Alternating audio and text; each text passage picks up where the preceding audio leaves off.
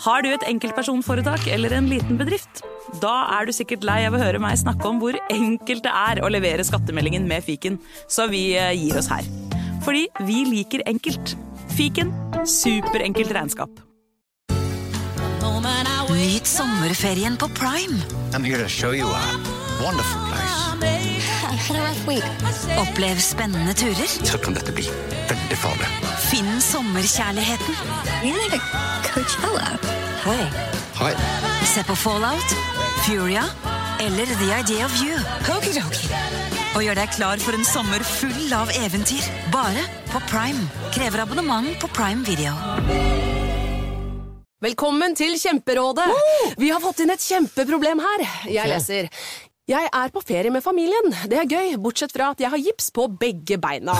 Kan ikke bade eller dra noe sted. Jeg føler meg veldig begrenset. Hilsen begrenset far. Begrenset far trenger ubegrensethet. Yes. Ja, Kanskje ubegrenset data fra 399 med familierabatt hos Telenor? Ja, det løser jo alt!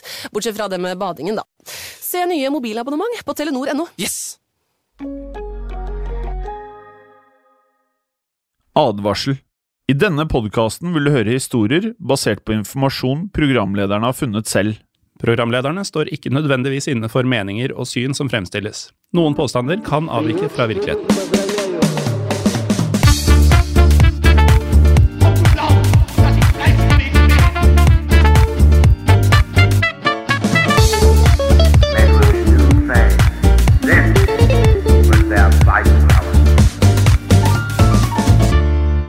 Og velkommen til en ny episode av Historiepodden WW2.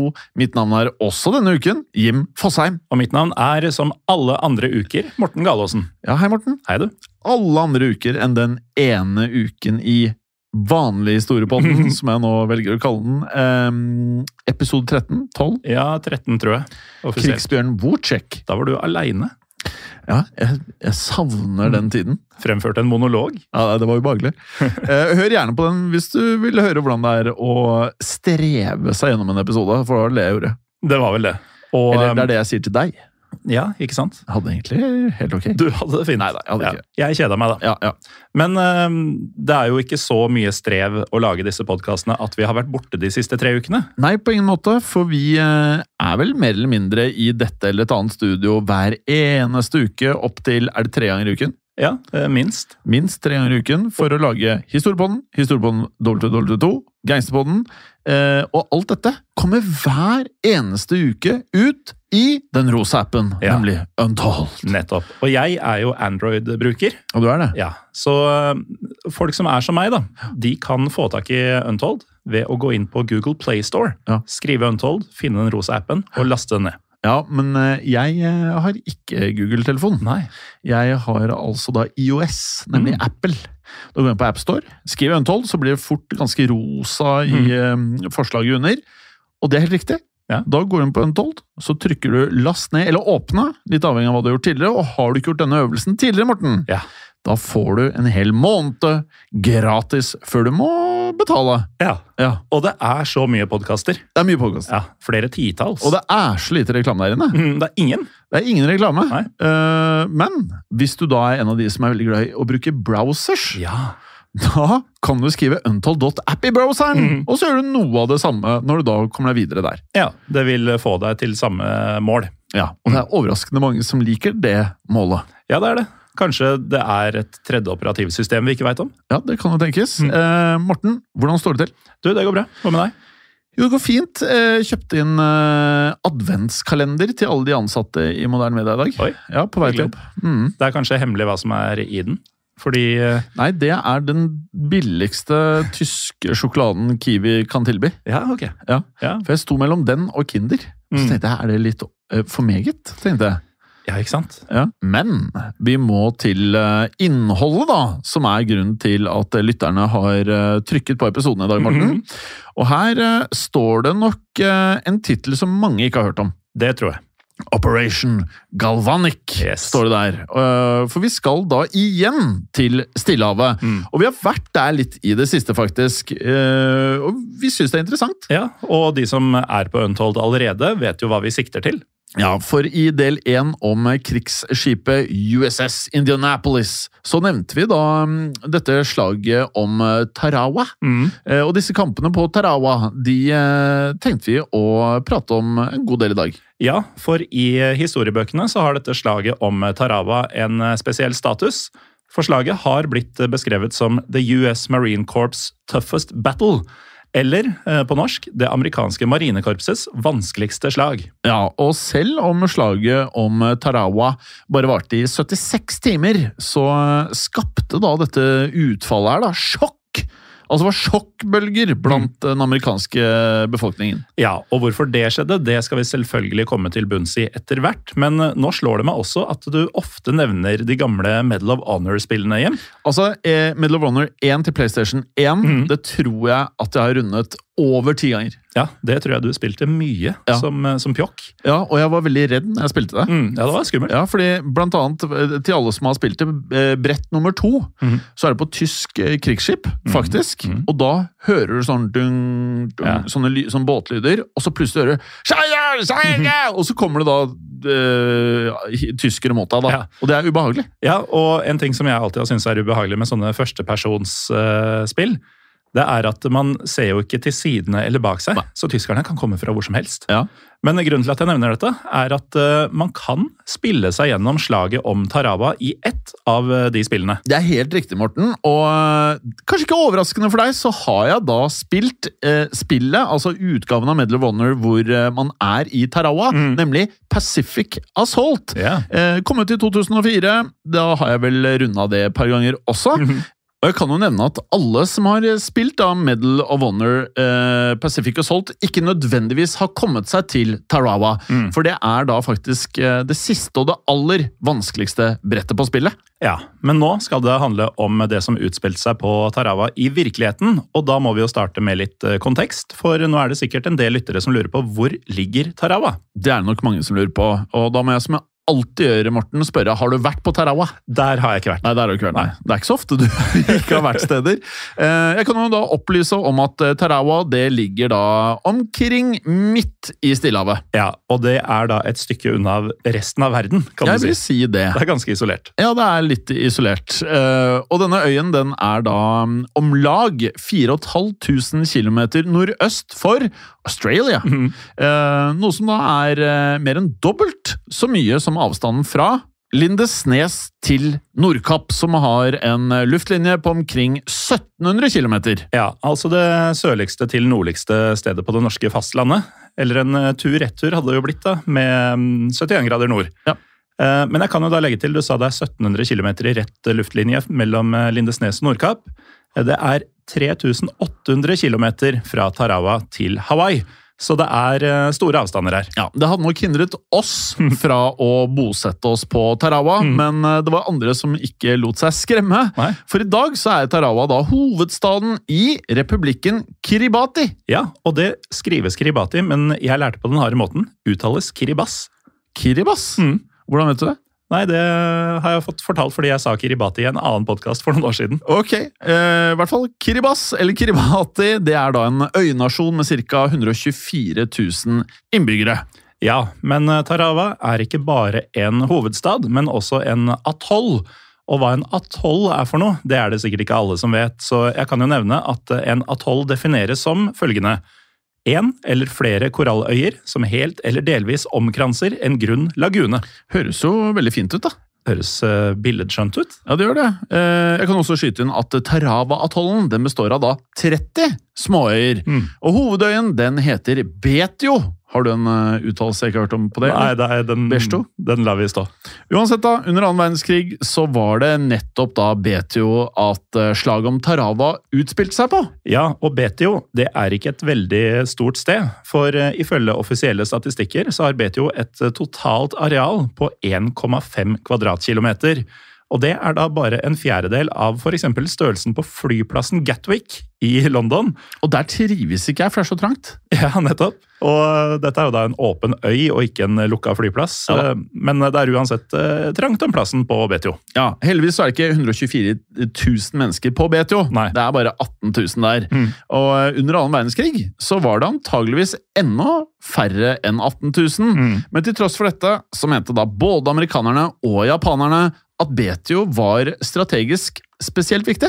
Ja, og som kjent så var det japanerne som først gikk på offensiven i Stillehavet. For Japan de gikk eh, som kjent til krig mot USA i desember 1941. Og eh, ni måneder senere, i september 1942, så gikk japanske styrker i land på Tarawa med planen om at Tarawa skulle okkuperes, slik at Japan kunne bygge en militær flyplass der. For på denne måten så ble Tarawa en base som kunne forsvare de japanskkontrollerte Marshalløyene, og dette var ikke en dum idé. Nei, det var ikke dumt, Morten, for Marshalløyene de ligger nemlig 661 km nordvest for Tarawa. Eh, Og under annen verdenskrig så var Marshalløyene en svært viktig flåtebase for japanerne. Og derfor så ønsket amerikanerne å erobre Marshalløyene. Men for å komme seg dit, Morten, så måtte de da først forbi Tarawa. Og det skulle ikke bli lett, for nå bestemte japanerne seg for å gjøre Tarawa nærmest eh, uinntagelig. Og med det så gikk eh, 2200 japanske ingeniører og koreanske tvangsarbeidere til verks på BTO. Altså, når du har 2200 ingeniører og arbeidere, da, da mener du alvor, Jim. Ja, da mener du alvor. Og I løpet av det neste året så ble det bygga 100 betongbunkere på denne øya, og det ble også bygget en rekke mindre bunkere av tre. Det ble i tillegg bygget murer langs strandkanten som skulle hindre fiendtlige båter fra å sette i land soldater. Så du prøver å beskrive, Morten, er noen som da ønsker å forsvare seg. Ja, eh, Fortifisere øyet. Ja, det virker sånn. Men ikke nok med det, skjønner du, Morten. For japanerne de bygde nemlig også det som har blitt beskrevet som et omfattende nettverk av skyttergraver. Ble mindre og mindre ferieparadis over denne atollen med lagunen og sånn. Ja, jeg tenker man kan dra helt andre steder hvis man ønsker å feriere. Eh, I tillegg så opprettet de en rekke kanon- og maskingeværstillinger. Og på toppen av det igjen så ble det også utplassert 40 kanoner på BTO. Og husk igjen, det er bare 18 000 mennesker her. Ja, og et veldig lite areal. Men, Eller det er færre enn 18 000 18 000 i dag. Ja, Ja. så vesentlig færre antagelig Ja. enn 18 000. Eh, Men i tillegg til disse 40 mer konvensjonelle kanonene som du nevnte, så hadde japanerne på BTO også 14 såkalte kystkanoner. Og dette var ekstra store kanoner som var ment til å brukes mot eh, fiendtlige skip. Og nå er det nok noen lyttere som lurer på hva som eh, hadde skjedd dersom amerikanerne kom seg i land på Betio. Ja, vi kan jo si at eh, de hadde mer i vente. Om de hadde, for på strendene på Betio så var det mm, en god del grunne skjær. Og japanerne de hadde da dekket disse skjærene med piggtråd og nedgravde miner. Og et skjær kan være ubehagelig nok i seg sjøl, uten piggtråd og miner. Ja, Nei, altså helst ikke skjær, helst ikke piggtråd, og i hvert fall ikke miner. Nei. Eh, Som andre ord da, så måtte amerikanerne forbi piggtråden og minene, samtidig som de ble beskutt av japanske kanoner, maskingevær og også skarpskyttere. Og det er jo ikke en sånn veldig fristende situasjon eh, for oss å havne i, i hvert fall. Men uh, Morten, jeg, jeg nevnte at det var 40 kanoner. Ja. Men de hadde også utplassert 14 tanks på Betio. Ja, Eh, Jeg tenker at det her eh, blir innviklet. ja og åssen får man plass til alt? ja, det kan man si. Men uansett, eh, selv om et angrep på Tarawa og Betio ikke hadde frista for oss, så var den amerikanske overkommandoen mer optimistisk. For i 1943 så bestemte amerikanerne seg for at Tarawa skulle erobres, slik at man lettere kunne innta Marshalløyene. Så i november 1943 så iverksatte USA det som fikk kodenavnet Operation Galvanic. Og akkurat som episodenavnet. Helt riktig. Man kan jo tenke seg til hvor det kom fra nå. For målet med denne operasjonen det var å da innta Tarawa-atollen og resten av det som i dag er Kiribachi-øyene. Var det riktig? Kiribas. Kiribati. Eh, Og her var det da Betio som ble hovedmålet for det amerikanske angrepet. Og med det sagt så er det på tide med noen nye tall, for nå var det en japansk garnisonstyrke på BTO. Og denne garnisonen den besto av ca. 4600 mann, og den ble leda av en japansk admiral ved navn Shibazaki Keiji. Og Keiji han eh, visste hva han drev med. Han visste hva han drev med, Morten! For eh, Keiji han var nemlig en spesialist å regne på såkalte operasjoner. Eh, Og amfibieoperasjoner det kan vi definere som operasjoner fra sjøen, hvor det da settes i land styrker på områder som kontrolleres av fienden. Ja, så med andre ord så visste KG hvor vanskelig det var å angripe en øy, og nå følte KG seg selvsikker. For pga. de omfattende forsvarsverkene som fantes på Betio, så mente KG at øya den var så godt som umulig å innta. Og dette uttrykte KG selv eh, ved en anledning på denne måten. Det vil ta én million mann 100 år å erobre Betio. Eh, og nå var det da selvfølgelig langt færre enn én million amerikanere som var på vei. selvfølgelig. For amerikanerne de planla å da sette i land omkring 18 000 soldater på Betio. Så nå ble ikke KG spesielt eh, redd. Han følte seg eh, ganske selvsikker. Ja, fortsatt. Men eh, disse 18 000 amerikanerne var kanskje færre enn en million. Men det var harde amerikanere som kom nå. For amerikanerne de sendte marinekorpset sitt, altså The US Marines. Og nå hadde US Marines en god del ildkraft eh, med seg. For eh, amerikanerne de planla nå å sette de japanske forsvarsverkene ut av spill før marinesoldatene gikk i land. Og for å gjøre det så skulle man ta i bruk både fly og skipskanoner. Ja, men det hadde jeg også tenkt. Ja, Det er jo ikke en dum tanke. Det er helt riktig, det. Og med det så spoler vi tiden frem til 20. november 1943. På denne dagen så hadde en amerikansk invasjonsstyrke endelig nådd frem til Tarawa. Og blant de amerikanske skipene som da lå ankret opp ved Betio, så kunne man da finne tre hangarskip. Altså, det er ganske mye. Tre slagskip, to lette kryssere, 22 destroyere og to tunge kryssere. Ja, og som vi nevnte i episodene om USS Indianapolis, så var Indianapolis én av disse to tunge krysserne. Så på mange måter nå, så hvis du hadde hatt Untold, så hadde du da visst eh, litt tilleggsinformasjon til dagens episode. Ja. Og nå åpnet både Indianapolis og de andre krigsskipene endelig ild mot forsvarsverkene på Betio. Men som vi nevnte, så var det også da tre amerikanske hangarskip, selvfølgelig. Så da klokken var 06.10 på morgenen, så ble japanerne også angrepet av amerikanske kampfly. Ja, men nå søkte japanerne dekning i både bunkere, skyttergraver og bomberom, og av det så var det ikke enkelt å få has på dem. Nei, men likevel så skal antallet drepte japanere ha blitt uh, høyt, for ifølge noen estimater så var det amerikanske bombardementet så kraftig at hele 40% av japanerne ble drept. Ja, så vi sa jo at det var eh, rundt 4600 japanere på Betio, eh, og 40% av det blir altså slik at ca. 1840 ble drept av amerikanske fly og artilleriangrep. Ja, og blant de som ble drept, var den japanske øverstkommanderende Shibasaki Keiji, som da mente at det hadde krevd én million amerikanere. Det er viktig å nevne her at eh, da amerikanerne skulle bombardere bunkerne langs strendene på Betio, så forsøkte Keiji og en gruppe med offiserer å trekke seg tilbake fra frontlinjen, noe som ikke gikk spesielt bra, Morten. Nei, det gjorde det ikke, for KG og staben hans de prøvde å søke tilflukt i en kommandopost eh, som lå litt lenger unna strandkanten. Men på vei til denne kommandoposten så fikk KG et uh, ublidt møte med en amerikansk artillerigranat, for uh, denne granaten den ble visstnok avfyrt fra en av kanonene på et av de amerikanske destroyerskipene. Og da granaten eksploderte rett ved han, så ble KG drept på stedet. Og med det så mista japanerne sin øverstkommanderende offiser, og man skulle jo kanskje tro da at dette gjorde at japanerne ble demoraliserte. Men vi har lagd nok episoder om eh, Japan og de japanske soldatene, Morten, til å vite at eh, de, eh, hold, ja, de holder ut i siste stund. Ofte lenger enn siste stund. Og vel så det. For i datidens Japan så ble overgivelse mer eller mindre sett på som skammelig. Ja, og derfor var det gjenværende 2700 japanerne fortsatt fast bestemt på å kjempe til absolutt sistemann. Og det skulle de snart få sjansen til, Morten, for eh, nå var det kun et spørsmål om tid før The US Marines gikk i land på Betio, og da skulle slaget om Tarawa starte for alvor. Ja, for nå hadde klokka blitt ca. ni på morgenen, og etter flere timer med skyting så avslutta amerikanerne bombardementet sitt. For på sjøen utenfor så lå det også 18 amerikanske transportskip, og om bord på disse skipene så var det 18 000 US Marines som nå fikk beskjed om å storme strendene på Betio. Så da denne ordren endelig kom, så begynte da den første angrepsbølgen med marinesoldater å klatre ned i landgangsbåtene. For nå var planen at landgangsbåtene de skulle da sette dem av på strendene rett foran de japanske stillingene. Men vi må si noe om disse landgangsbåtene, Jim. Fordi det er sikkert noen lyttere som syns dette høres litt kjent ut. Kanskje Ja. fra en film eller fra historier man har lest. For det var eh, snakk om, visstnok, store antall med Higgins-båter. Og Higgins-båter det er den samme typen langgangsbåter som senere ble brukt under D-dagen i Normandie.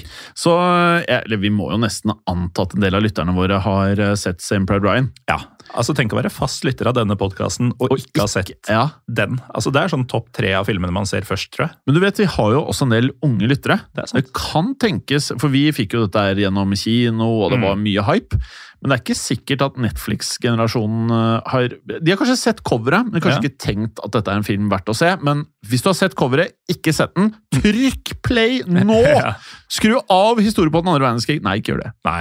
Etter dette det etter episoden. ja, ja. Um, fordi I denne filmen da, så er det da snakk om de små båtene som brukes i åpningssekvensen til filmen, som er noe av det mest intense uh, som er fanget på film noen gang. Ja, det er jeg helt enig i. Eh, Men vi kan jo da beskrive disse Higgins-båtene før vi går videre i litt mer detalj. og Da kan jeg først nevne at Higgins-båten den ble designa av en amerikansk båtbygger som het Higgins, med fornavnet Andrew. Ja, og vi kan jo legge til at Higgins-båten hadde en eh, avlang form på 3,4 ganger 11 meter, for de som er interessert i det. Og på innsiden av båten så var det derfor plass til omkring 36 soldater, litt avhengig av størrelse. Kanskje eh, 12 av deg. Ja, noe Ja. sånt. Ja, og som sikkert flere av lytterne nå kan tenke seg til, så var det viktig at disse soldatene da skulle settes i land så raskt som overhodet mulig. Og helt fremst på båten så var det derfor en luke, og når båten da hadde nådd land, så ble denne luken åpnet, slik at soldatene da kunne løpe rett ut. Så i teorien så var dette et effektivt design. Ja, men eh, på Betio så var det ikke alt som funka helt etter planen. For vi nevnte jo at eh, strendene på Betio de var omgitt av disse grunne skjærene, og de skulle skape problemer nå, Jim. Det gjorde de, for eh, nå lå tidevannet så lavt at Higgins-båtene grunnstøtte på skjærene. Og Derfor så måtte marinesoldatene da hoppe ut av båtene ca. 450 meter unna strendene, og vi husker at de ønsket å være så tett opptil strendene som overhodet mulig. Ja, og de er i full uniform og med masse våpen på ryggen og sånn. 450 meter er ganske langt. og... Ja, Og det er ikke sånn at de ikke vil bli beskutt hvis noen har muligheten til å skyte. Nettopp. Så nå hadde da marinesoldatene vann opp til brystet, og mens de da vassa sakte framover mot land, så havna de innenfor rekkevidden til nettopp japanske rifler og maskingevær. Og det som da skjedde, var jo det at japanerne åpnet ild. Og siden amerikanerne hadde lite til ingen dekning, så ble hundrevis av marinesoldater skutt før de i det hele tatt nådde land. Ja, men likevel så var det over 5000 amerikanere i den første angrepsbølgen, så til tross for at japanerne gjorde sitt beste, så klarte de ikke å skyte ned alle amerikanerne. Og Derfor så fortsatte marinesoldatene å rykke frem, men jo lenger de kom, desto mer blodig skulle det bli. Det minner veldig mye om Same Pry Ryan. Ja, jeg tenkte det ganske tidlig i arbeidet med denne episoden her, at uh, dette er jo uh, åpningsscenen i Saving Private Ryan. Ja, Det føles absolutt sånn, og vi kan jo da nevne at det finnes flere artikler om kampene på Tarawa, og vi kan jo dele et eh, utdrag som maler et svært godt bilde av det som utspilte seg. Ja, og her kommer en del. Dyrebart utstyr, spesielt radioer, ble gjennomvått og ubrukelig. Mange marinesoldater ble truffet i åpent vann, og de som nådde land, var utmattet eller såret. De var dårlig utstyrt og ute av stand til å kommunisere med støtteenheter. For å gjøre saken verre ble angrepsruten overfylt med ødelagte båter og blodige kropper, noe som blokkerte veien for amerikanske forsterkninger. Marinesoldatene på stranden krøp frem, litt og litt, vel vitende om at det å stå, eller til og med reise seg litt, gjorde dem til lette mål. Men eh, de marinesoldatene de, eh, de hadde jo ikke noe annet valg Morten, enn å bare fortsette angrepet. Så i løpet av de neste timene så nådde stadig flere amerikanerne frem til strandkanten. Og selv om framrykkingen gikk relativt sakte, så skal omkring 5000 marinesoldater til slutt ha kommet seg i land. Men likevel så var det fortsatt igjen mer enn 2000 japanske soldater på Betio. Og mesteparten av de japanske forsvarsverkene de var enda intakte, så fra skyttergravene og bunkerne sine så kunne japanerne skyte rett ned mot eh, strendene, og på grunn av det så var marinesoldatene i praksis fanga på stranda. Ja, nå er kanskje lytterne lei at vi refererer til Semper Ryan, det er jo akkurat det som skjer.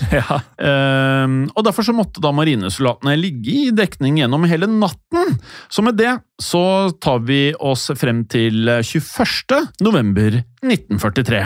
Ja, og nå er vi da på slagets andre dag, og i løpet av denne dagen så skulle det ikke bli mindre blodig, for nå sendte amerikanerne inn sin andre angrepsbølge. Ja, men så var det dette tidevannet, Morten. For det lå fortsatt lavt, så den andre angrepsbølgen den måtte også da vasse i land fra båtene. Og Derfor fikk japanerne igjen muligheten til å skyte mens amerikanerne da beveget seg gjennom vannet. Ja, og i løpet av natta som hadde gått, så skal flere japanske skarpskyttere ha sneket seg ut fra skyttergravene sine. Og disse skarpskytterne de hadde så vassa ut til noen av de ødelagte båtene som nå lå utafor stranda. Og mens de gjemte seg bak disse vrakene, så begynte skarpskytterne å skyte mot de amerikanske forsterkningene fra sidene. Men samtidig så ble de amerikanske forsterkningene også beskutt forfra. For nå åpnet japanerne også ild fra bunkerne, og også fra skyttergravene. Så her havnet eh, amerikanerne i det man kan beskrive som kryssild. Ja, og man trenger jo ikke å ha vært eh, spesielt mye i militæret for å vite at kryssild, det bør man helst eh, unngå, for det er noe av det aller farligste som man kan utsettes for på en slagmark. Det er det, men det var ikke bare kryssilden som var farlig, Morten. For som vi tidligere nevnte, så var da strendene fylt opp med både miner og piggtråd. Og det måtte jo også amerikanerne ta seg forbi. Ja, så det kommer kanskje ikke overraskende at eh, de amerikanske dødstallene de fortsatte å stige. Nei, men det var ikke kun dødstallene som steg, Morten. For nå nærmet klokken seg tolv på formiddagen, og da begynte også tidevannet å stige. Ja, og det skulle bli avgjørende, for snart lå vannet så høyt at noen av de minste amerikanske krigsskipene kunne manøvrere seg tettere inntil strendene. Og disse skipene det var noen av de nevnte 22 destroyerne. Og da disse destroyerne kom seg nærmere de japanske stillingene, så kunne destroyerne også avfyre kanonene sine på det som nå var relativt nært hold. Ja, og Derfor så ble da flere japanske maskingeværstillinger nå satt helt ut av spill, og det var selvfølgelig til stor hjelp for marinesoldatene som nå lå i dekning på strendene. Ja, og nå ble det også lettere for amerikanerne å få inn flere forsterkninger, for da tidevannet steg, så kom Higgins-båtene seg endelig helt inn til strendene. Som utgjorde en stor, stor forskjell, da. Virkelig, så nå slapp da resten av forsterkningene å vasse i land. Og det gjorde også fremrykkingen langt raskere, men likevel så var det ikke bare hurtighet som ble utslagsgivende, for eh, nå kunne amerikanerne også sette i land tanks på strendene, og ved hjelp da av tanksene så kunne marinesoldatene endelig ta seg helt frem til de japanske forsvarsverkene. Ja, og nå tok marinesoldatene i bruk både håndgranater, dynamittladninger og flammekastere mot eh, japanerne. Og litt etter litt så ble flere og flere japanske bunkere ødelagt, mens japanerne på innsiden ble enten skutt eller sprengt, eller til og med brent. Så nå var japanerne i store vanskeligheter, for på den andre dagen av slaget så hadde amerikanerne da brutt seg gjennom forsvarslinjene deres. Ja, men eh, vi har jo blitt kjent med hvordan japanerne opererer, så på slagets tredje dag, den 22. november 1943, så fortsatte japanerne likevel å kjempe, for eh, som vi har vært inne på, det var ikke aktuelt å overgi seg. Men uh, japanerne de gikk til motangrep, uh, Morten. Mm. Og uh, vi har jo da en egen podkastserie på Untold, Ja. som er da rett og slett samlingen om Japan. Samlingen av Japan, Ja, ja, der er det da alt du forbinder med middelalder-Japan. Eh, Samuraisverd og det som eh, hører til. Ordentlig brutale greier. Og det vi lærte, var at eh, det er få soldater som er mer heltemodige enn de fra Japan. Ja, det kan du si. For når klokken endelig ble 03.00 på natten, så stormet hundrevis av japanske soldater frem i en rekke såkalte bansai-angrep. Og et bansai-angrep det var i praksis et selvmordsangrep som da japanerne gjennomførte når et slag gikk svært dårlig for dem. Ja, og ordet bansai det er en forkorta versjon av det gamle japanske kampropet Tenohika bansai, som på norsk kan oversettes til Lenge leve Hans Majestet Keiseren. Så når de japanske soldatene nå ropte bansai, før de deretter storma til angrep, da gikk de til kamp for keiseren sin, Hirohito. De gjorde det, og med det så stormet japanerne frem med rifler, pistoler, sverd, bajonetter, det de hadde egentlig, for å da ta seg inn i nærkamp mot de amerikanske marinesoldatene. Men det var ikke den mest effektive strategien da i møte med amerikanske skytevåpen. Nei, men til tross for det så klarte japanerne å overraske amerikanerne. Og før marinesoldatene fikk summa seg, så nådde japanerne frem til noen av de fremste amerikanske stillingene. Og det som fulgte, det var blodig. For nå ble 45 amerikanere drept, mens 128 amerikanere ble såret. Ja, men amerikanerne hadde jo vesentlig flere soldater enn Japan her, og i tillegg så fikk de nå støtte fra dette skipsartilleriet sitt. Så det tok ikke lang tid før de japanske Banzai-angrepene ble slått tilbake med store tap. Og dette har vi også noen tall på, da, for i kjølvannet av de japanske angrepene så skal 325 japanere ha blitt liggende døde igjen på slagmarken. Ja, så det ble jo stadig færre japanere på øya, og i timene som fulgte, så ble de få japanerne som var igjen, pressa stadig lenger bakover på øya. Så da formiddagen kom, så hadde de siste japanerne blitt klemt inn i et lite område helt ytterst på østsiden av Betio. Ja, og her har vi enda flere tall, for av den opprinnelige styrken på ca. 4600 mann, så var det nå om lag 100 japanere som fortsatt var i live. Men selv om slaget egentlig var tapt, så har vi jo lært litt om japanske soldater og deres mentalitet. Så da amerikanerne rykka frem, utstyrt med både tanks, flammekastere og granater, så fortsatte disse 100 japanerne å kjempe, og før dagen var omme, så var det enda flere som mista livene sine. Riktig det, og da klokken var blitt 13.30 på formiddagen, så ble de siste japanske stillingene på Betio inntatt, og da hadde ytterligere 83 japanere blitt drept. Så nå var det med andre ord bare 17 japanere som fortsatt var i live. Og ut ifra det vi vet, så ble disse 17 japanerne tatt til fange, men eh, hvorvidt de da overga seg frivillig, det, det har vi ikke fått svaret på helt. Nei, men eh, det høres ikke ut som eh, noe de ville gjort. Men det som kommer frem i kildene, det er at Betio nå var i amerikanske hender. Og I dagene som fulgte, så gikk amerikanske soldater også i land på de andre øyene som utgjør Tarawa-atollen. Så til tross for at admiral Keiji hadde ment at Tarawa var så godt som uinntagelig, så hadde amerikanerne inntatt øyene på bare tre dager. Men det hadde krevd sin pris, da, for kampene på Betio de hadde nemlig vart i 76 timer, og i løpet av disse timene så hadde da omkring 1009 amerikanske soldater blitt drept. Og I tillegg så var det hele 2101 amerikanere som var blitt såret. Og som vi da nevnte, så mistet jo nesten alle japanerne livet. Så selv om slaget om Tarawa var kort, så var det utrolig blodig. Ja, og det fikk befolkninga i USA snart vite, for da US Marines angrep Betio, så ble angrepet deres dokumentert av amerikanske krigskorrespondenter. Og som vi nevnte, så var jo ikke Betio en stor øy, som betyr at korrespondentene de var tett på kampene. Og av det så ble Tarawa et av de best dokumenterte slagene under andre verdenskrig. Vi kan jo legge til at under slaget så ble det nemlig tatt over 900 stillbilder, i tillegg til at det ble gjort store mengder med filmopptak. Og snart ble noen av disse opptakene gitt ut som en dokumentarfilm. Ja, og den fikk tittelen With the Marines at Tarawa. Og Filmen den ble satt opp på amerikanske kinoer i starten av 1944, og vant deretter en Oscar i kategorien beste kortdokumentar.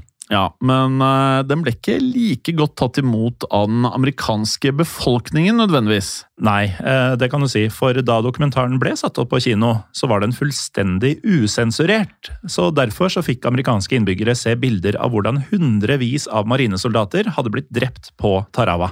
Og mange amerikanere følte da at antallet døde og sårede marinesoldater utgjorde det de betraktet som en skandale. Mm. Og derfor så utløste denne dokumentarfilmen det som har blitt beskrevet som et offentlig raseri i USA. Ja, for ettersom 3000 marinesoldater ble drept eller såra på Tarawa, så var det mange som frykta hvordan det ville gå når USA senere skulle angripe større japanske øyer. Men likevel så har det blitt hevdet at filmen om Tarawa forberedte USA på de langt større slagene som snart sto for tur, og for å forklare dette så kan vi jo da trekke frem et utdrag fra en masteroppgave om hvordan Tarawa påvirket den amerikanske kampmoralen. President Roosevelts beslutning om å gi ut filmen bidro til å forbedre krigsinnsatsen. Det amerikanske folket innså hva som skulle til for å beseire USAs fiender. Filmen forberedte publikum på høyere tap i større slag, og når dødstallene steg på steder som Saipan, Peleliu, Okinawa og Iwo Jima, ble ikke folket lenger rasende. De ble i stedet triste. De forsto nå hvem de kjempet mot, og de forsto krigens kostnader. Krigskorrespondentene på Tarawa hjalp til med å avsløre myten om at maskiner og teknologi alene kunne vinne kampen. Så det var veldig betydningsfullt, dette her. Det var det. Um, vi kan også nevne at erfaringene fra Tarawa også bidro til å redde liv. For amerikanerne de lærte nemlig av feilene som ble gjort på Tarawa, og i månedene som da fulgte, så ble det derfor innført nye taktikker som da skulle gjøre fremtidige amfibieoperasjoner langt mer effektive. Ja, men nå skal vi ikke gå gjennom disse taktikkene i dag, for det blir litt for komplisert og litt for tidkrevende. Men vi kan nevne at Marinekorpset snart innførte vanntette radioer. For basert på erfaringene fra Tarawa, så fungerte vanlige radioer dårlig i møte med vann. Og Vi kan jo ta et lite sitat her, som kommer fra en av generalene som tjenestegjorde i det amerikanske marinekorpset under annen verdenskrig. Ja, han het eh, Holland Smith, men uh, ble kjent som general Holland Howlin' Mad Smith. Og Howlin' Mad Smith han har blitt beskrevet som faren til moderne amerikansk amfibisk krigføring. Så han eh, var eh, ingen hvem som helst. Han var ikke det, og Smith han sa følgende om slaget om Tarawa. Hadde det ikke vært for erfaringene fra Tarawa, så hadde slagene om Peliliu, Saipan og Iwo Jima endt med nederlag i stedet for seier. Sammenlignet med alt det gode som kom ut av det, var tapene vi led ved Tarawa små. Ja, Så til tross for dette meget blodige slaget, som var over på ca. tre døgn, Ja. så um, tenker amerikanerne i dag at det var eh, til det større gode. Ja, og utrolig spennende å eh, høre om eh, geografiske områder eh, som kanskje ikke er så mye pratet om under annen verdenskrig. Nei, ikke engang av oss i våre mange podkaster. Mm. Eh, Hvis man er interessert i å gi oss eh, tips, ideer, tilbakemeldinger og den type ting til podkastene våre, så er vi jo på sosiale medier. Vi er annet Historiepodden Norge på Instagram og Facebook. Og på Facebook så har vi da gruppen vår som heter Historie for alle. Det har vi. Og dersom du har lyst til å høre Historiepodden andre verdenskrig også neste uke, Mm. så er det altså, hvis du er Android-bruker som meg, eh, å gå inn på Google Playstore, laste ned Untold og melde deg opp. Ja, og så kan du gjøre egentlig det samme hvis du er Apple-bruker. Går inn på AppStore, skriver Untold, trykk på den rosa appen, og så har du ikke gjort dette før, så får du første måneden gratis. Ja, Og så har du da det tredje alternativet, som er å bruke nettleseren. Da går du inn på untold.app og skaffer deg tilgang på den måten. Morten, Mm. dette har skjedd. Og det kan skje igjen. Ha det bra. Ha det! Historiepodden ønsker å takke følgende. Dere som hjelper oss som sitter i produksjonen. Dere som hjelper oss som sitter i redaksjonen, inkludert eh, tekstforfattere. Det er helt riktig. Og dere som sitter på marked, som faktisk da gir oss muligheten til å drive med historiepodden. Og selvfølgelig alle dere som hører på. Tusen takk. Moderne media. Kan kundene dine betale slik de ønsker? Med betalingsløsninger fra Svea øker du sannsynligheten for at kundene fullfører et kjøp, fordi de finner sitt foretrukne betalingsvalg. Svea vår jobb, din betalingsløsning. Enklere, raskere. Et godt råd fra Apotek 1. Sola er tilbake, og når du skal ut og nyte den, er det viktig med god solbeskyttelse. Hos oss finner du et bredt utvalg av solkremer. Har du f.eks. en tørr, fet eller normal hudtype, har vi solkremer som er spesielt tilpasset din hud og dine behov. Husk å bruke rikelig med solkrem for å få god nok beskyttelse. Kom innom og få råd på ditt nærmeste Apotek 1, eller chat med oss på apotek1.no. Apotek 1 vår kunnskap, din trygghet. Nå fyrer Kiwi opp grillen med billig sommer- og grillmat. Juicy og smakfulle grillpølser. Hva pølseserien Grillvers fra Folkets? Før 39,90. Nå ny lav pris 34,90 per pakke. Eller bestselgeren Gilde trepakk grillpølser til bare 119. Crispy salater og alt det digge tilbehøret. Utvalget er stort, og prisene, ja, de er alltid lave. Hos Kiwi.